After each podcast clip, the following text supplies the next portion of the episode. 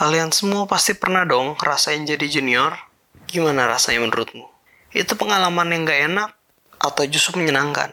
Nah, kalau sekarang dibalik, kalian yang jadi senior, Hello, this is Yeah Podcast.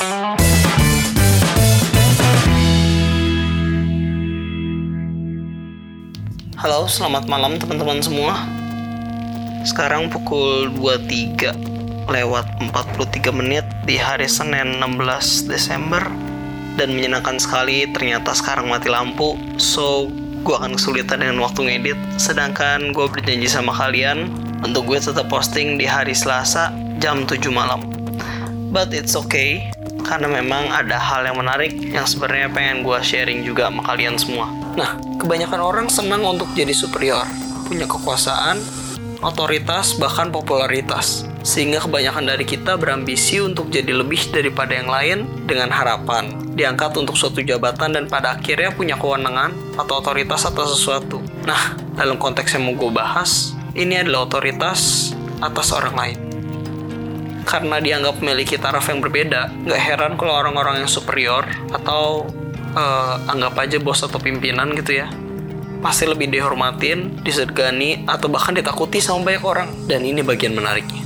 Orang yang dihormati dan ditakuti mungkin bisa dibilang memiliki aura yang berbeda. Let's take an example. Sangat besar kemungkinannya untuk kita memiliki rasa takut atau segan pada lingkungan yang sama. A few years ago, ketika gue lagi sekolah, gue inget ada guru-guru yang disegani sama murid dihormati karena karakter atau cara ngajarnya. Kita sebut aja ada seorang guru yang bernama Bapak Segan. Ketika berjalan di lorong, gak sedikit murid yang menyapa Pak Segan sambil tersenyum lewat. Entah karena apa, Pak Segan menjadi salah satu guru favorit.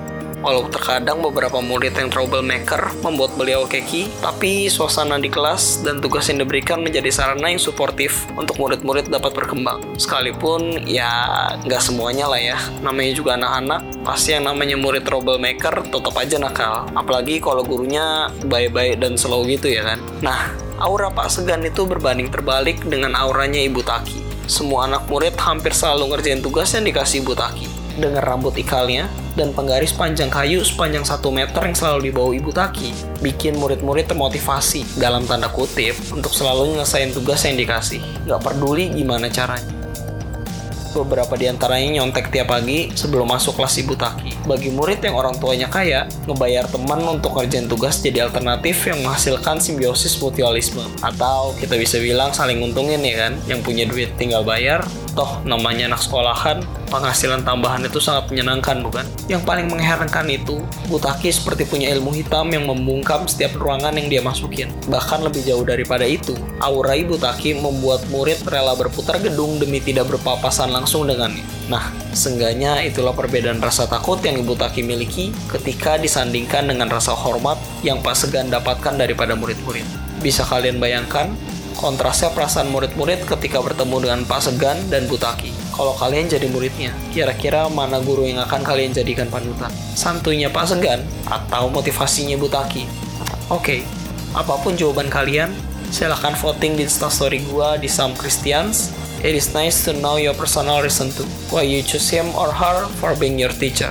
Oke, okay, next. Sebetulnya lingkup bahasan yang mau gue share jaraknya nggak sejauh antara guru dan murid. Mari kita perkecil jaraknya menjadi junior dan senior. Buat kalian yang dulu sekolah, pasti inget dong pernah di kondisi jadi junior. Bertahun-tahun setelahnya jadi senior. Seingat gue, yaitu mulai berasa ketika masuk SMP atau SMA. Begitupun di perkuliahan. Seenggaknya ketika dulu di ospek SMA, ada masa-masa di mana ospek itu sebagai unjuk gigi senior atau yang di atas itu harus dihormati. Eh, hmm, mungkin lebih tepatnya harus ditakuti. Ajang ospek jadi sebuah penanaman benih bahwa junior harus takut sama senior dengan berbagai alasan bijak seperti ya biar adik kelasnya nggak lembek. Lantas sang junior diberikan sebuah peraturan harus membawa bekal yang diberikan clue teka-teki nama makanannya. Datang subuh dengan perlengkapan dan dandanan yang unik jadi kebiasaan tiap tahun. Tapi sejujurnya ya, sampai saat ini gue nggak pernah menemukan esensi dari alasan biar adik kelas nggak lembek dengan clue teka-teki untuk bawa bekal.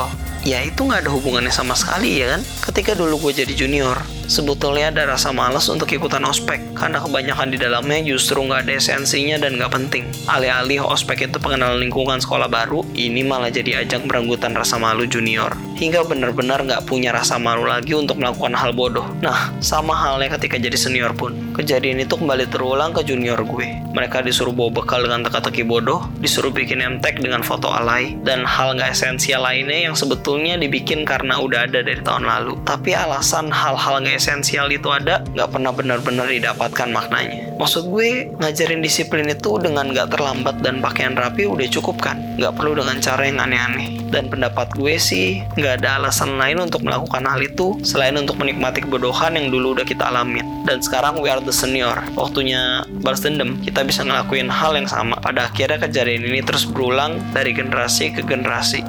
Bahwa junior harus takut dan tunduk sama seniornya. Padahal, menurut gue pribadi, mengajarkan seseorang itu sesederhana memberikan pengertian, pengarahan, dan tindakan atau contoh. Kalau boleh dianalogikan, ya walau analoginya nggak sempurna sih. Let's say begini, seekor ikan senior nggak akan bisa mengajarkan ikan junior untuk manjat pohon. Kenapa? Sesederhana karena ikan senior nggak bisa manjat pohon.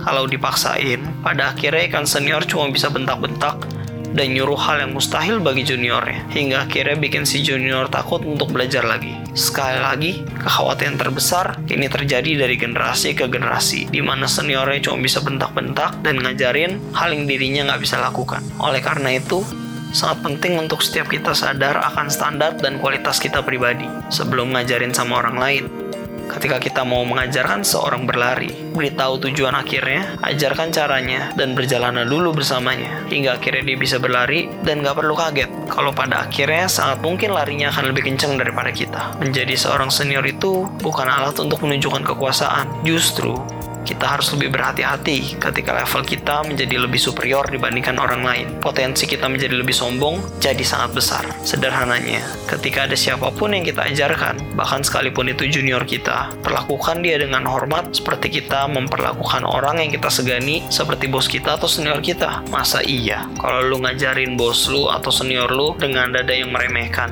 biasanya kita kan lebih segan bukan? Dan ngajarin mereka dengan hormat. Ya beberapa di antaranya mungkin akan ngajarin dengan takut-takut takut gitu kan sama halnya dengan junior kita Maksud gue, apa yang membedakan ketika kita mengajarkan seseorang yang senior kita dan kita mengajarkan seseorang yang junior kita? Toh mereka sama-sama manusia, mereka sama-sama belajar. Jadi apa yang membedakan? Kalau kita bisa memperlakukan orang lain dengan hormat, kenapa enggak ya kan? Karena superior itu nggak selalu berbicara tentang siapa lebih mahir, siapa lebih intelek, tapi superior adalah tentang pengalaman, hubungan, dan rasa hormat yang terbentuk karena etika. Sampai sini dulu sharing gue pada malam hari ini. And until next podcast. See ya.